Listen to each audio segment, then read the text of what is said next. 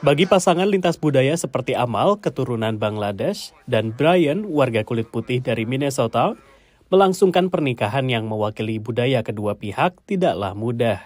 Like I'm sort of a little bit I've been a little wary of going to makeup artists who don't know how to work with like my skin tone and, and my skin coloring.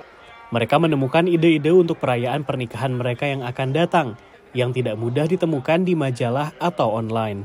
We wanted to not have like a traditional, just sort of traditional wedding cake, and there were some really cool vendors here who would do beautiful like gulab jamun cake, which like I've never heard of before as a cake option, but that's like a South Asian sweet. Bertajuk Pernikahan Penuh Warna, pameran pernikahan ini dimaksudkan untuk mendorong bisnis pernikahan di luar warna putih yang lazim dalam budaya barat. So much of the mainstream wedding community doesn't realize that all these businesses exist. Rena memulai bisnis perencanaan pernikahannya pada tahun 2019.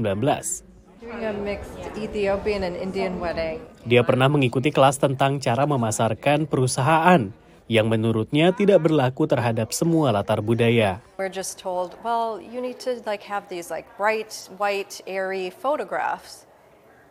And immediately I'm like, well, that color aesthetic does not apply to every wedding.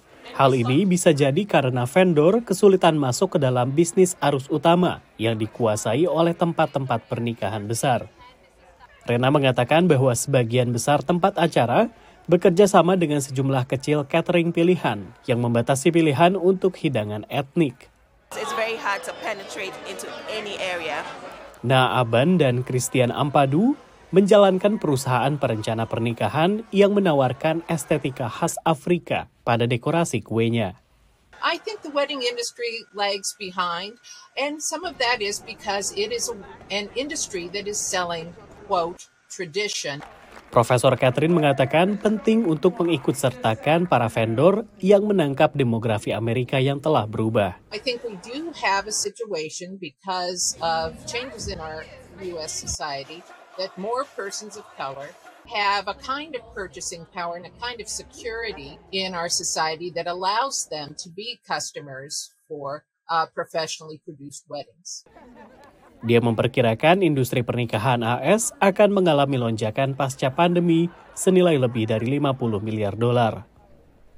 Data dari Pew Research Center menunjukkan bahwa ada 17% pasangan beda budaya atau etnis di Amerika Serikat pada tahun 2015.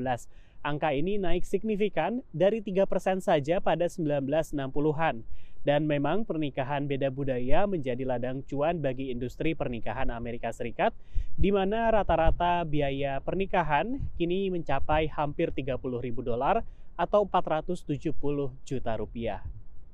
Dari Washington DC, saya Rio Tuasikal dan tim VOA.